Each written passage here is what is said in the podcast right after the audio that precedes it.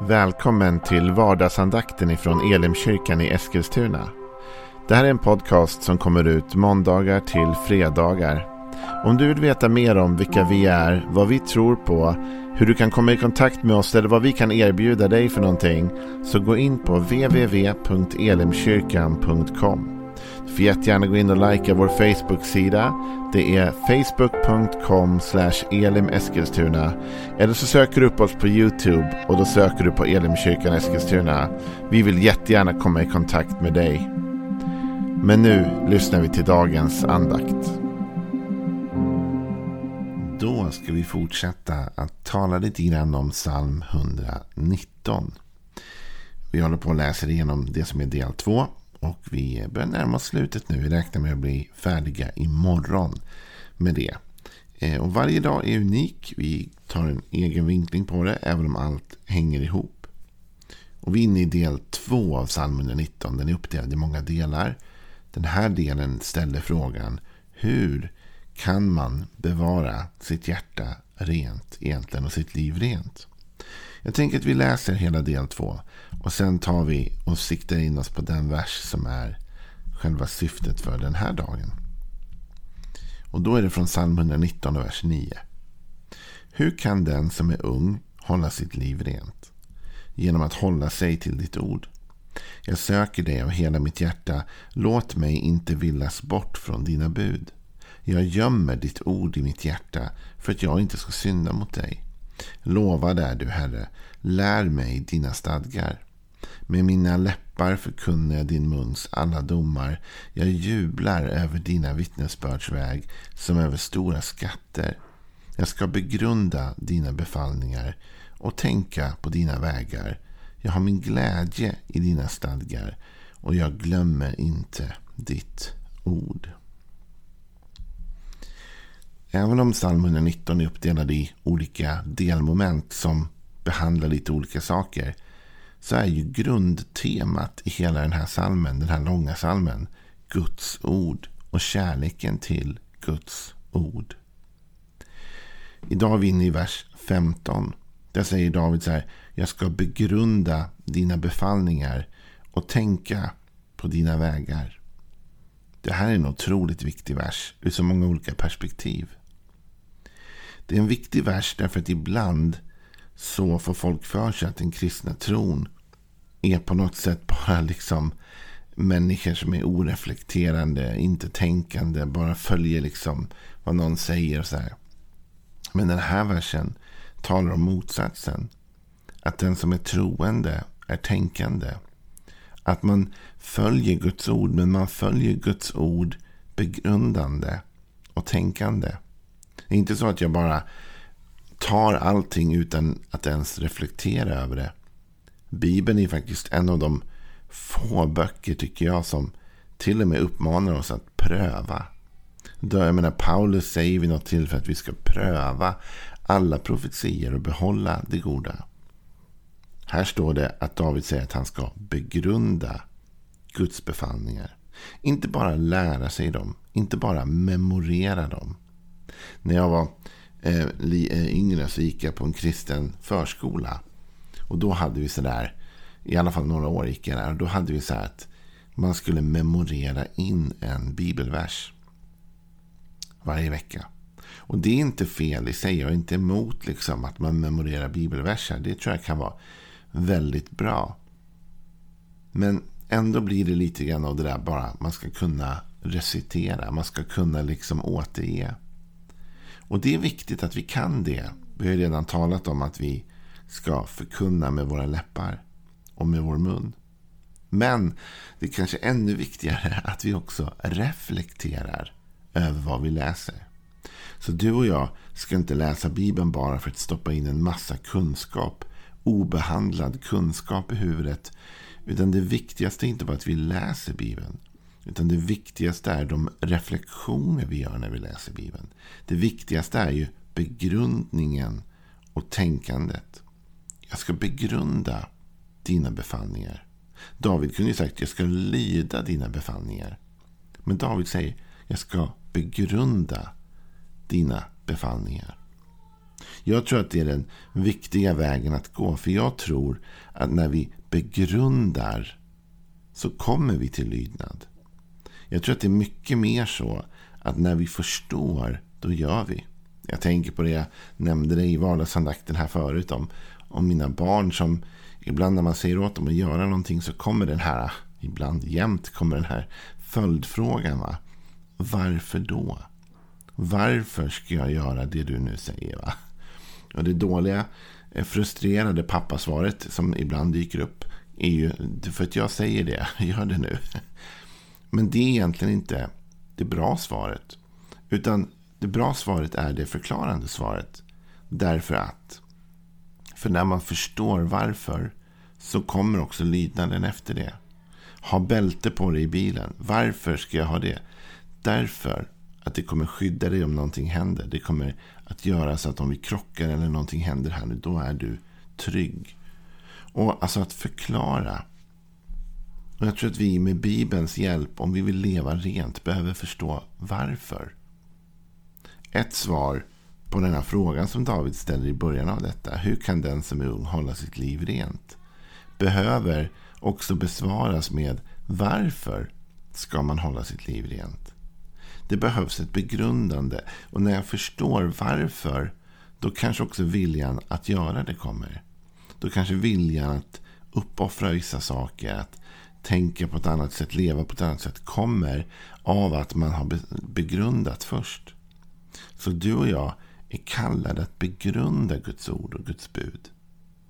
Att inte bara liksom mata in den här faktakunskapen utan förstå varför och vad den betyder. Det här är ju det som psalm 1 talar om på ett väldigt fint sätt tycker jag. För i psalm 1 står det ju så här i vers 1 framåt. Saliga är den som inte följer det gudlösas råd, som inte går in på syndares väg eller sitter bland förakter. Utan har sin glädje i Herrens undervisning och begrundar hans ord både dag och natt. Begrundar hans ord både dag och natt. Någon översättning säger mediterar över hans ord.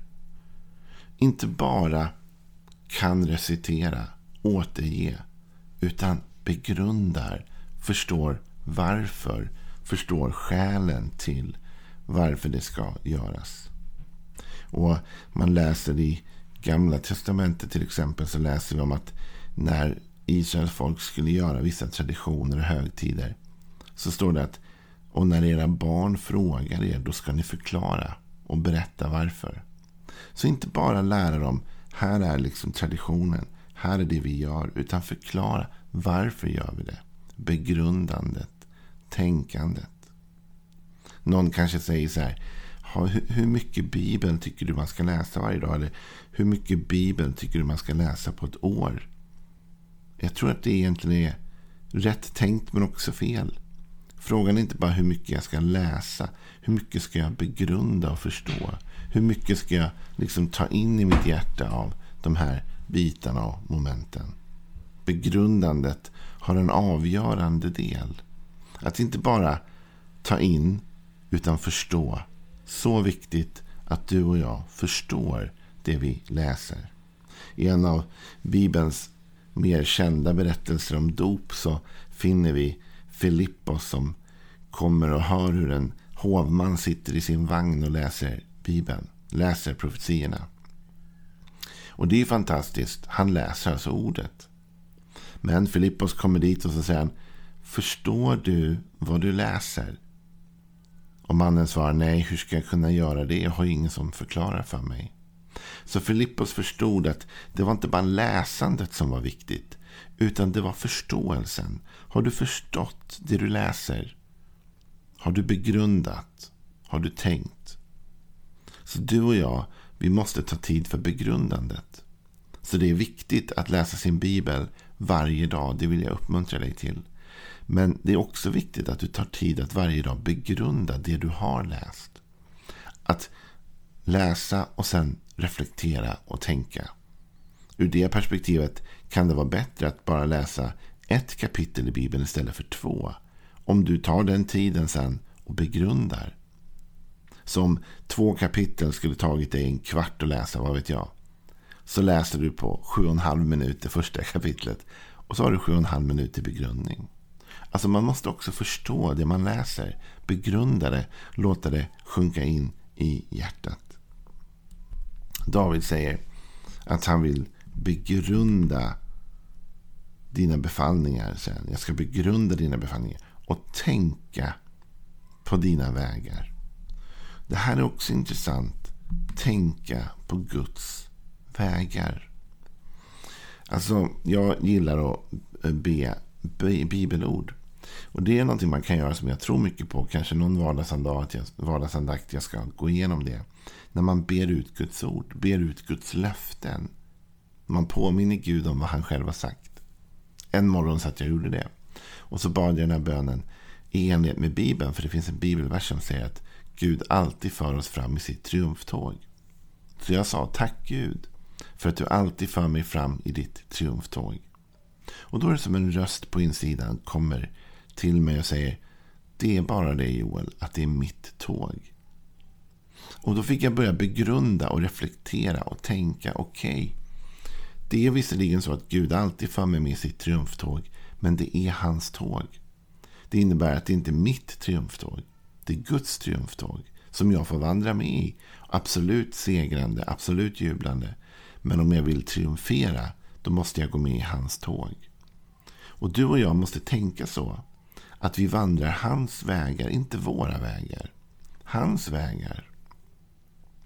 Det är likadant när man läser psalm 23 och man kommer till den här fantastiska versen som vi så gärna citerar. Där David säger att du dukar för mig ett bord i mina ovänners åsyn. Och så tänker vi wow, det finns ett dukat bord liksom. Där bägaren flödar över. Men grejen är det att det inte är ditt och mitt bord. va? Utan det är Gud som dukar bordet.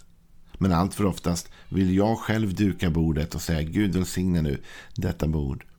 Men Gud har aldrig lovat att välsigna mitt bord. Han har lovat att duka ett bord åt mig. Och där måste du och jag vara öppna för hans vägar. Jag ska tänka på vad han gör, vad han vill. Vilken väg han leder mig på. Han leder mig på rätta vägar, sitt namn till ära. Men det gäller att jag tänker på vilka vägar han har satt framför mig. Tänka, begrunda. Det är sant att Guds ord kan väcka upp passion. Guds ord kan väcka upp känslor. Guds ord kan verkligen röra om i oss på det sättet. Men det får inte bara stanna vid det emotionella. Det måste finnas ett begrundande, ett tänkande. Och jag vill inbjuda dig till det idag. Jag vill säga ta Guds ord och begrunda det. Tänk på det. Även faktiskt ibland ifrågasätt det. Därför det håller för ifrågasättning. Våga testa, pröva, begrunda Guds ord. Låt det inte bara bli faktakunskap eller huvudkunskap. Utan det måste djupare i ett begrundande. Så vi förstår inte bara vad lagen säger. Utan varför lagen säger det lagen säger. Varför vi ska ha säkerhetsbälte på i, Bibeln, i, Bibeln, i bilen. Så att säga. Förstå skälet bakom. Det är viktigt. Och då kommer vi till en stor förebild för oss alla. Vilket är Jesu mor Maria. Hon är ändå liksom en ung, smart kvinna. Det är inte någon vi tillber. Men det är någon vi kan lära av såklart. Som vi kan lära av alla de bibliska hjältarna. När Maria har fött Jesus och det kommer dit en massa eh, herdar och det kommer dit visa män och allt vad det är som dyker upp. Så blir det väldigt överväldigande. Det är mycket intryck på en gång såklart. Och i Lukas 2, vers 18 står det. Alla som hörde det och det när herdarna berättat då. Förundrade sig över vad herdarna berättade för dem. Men Maria bevarade och begrundade allt detta i sitt hjärta. Så Maria bevarar och begrundar Guds ord. Hon tar det till sig. Hon stoppar det i hjärtat och hon låter det få en viktig plats för begrundan. Det står att herdarna vände tillbaka och prisade Gud och lovade Gud. Och allt det där är underbart. Och jag önskar att du och jag skulle prisa och lova Gud mer än vi gör såklart. Men det får inte bara vara en, en, en, ett lovpris utan en begrundning först. Jag tycker Maria gör helt rätt. Hon går inte med herdarna ut direkt och bara prisar. Hon begrundar. Hon tänker. Hon låter detta få tag i hennes hjärta. Så det blir dagens utmaning i vardagsandakten idag. Begrunda Guds ord. Tänk på det. Fundera kring det. Och låt det inte bara bli liksom faktakunskap du kan recitera. Låt det bli ett levande budskap i ditt hjärta. Då kommer ditt liv att bli förändrat.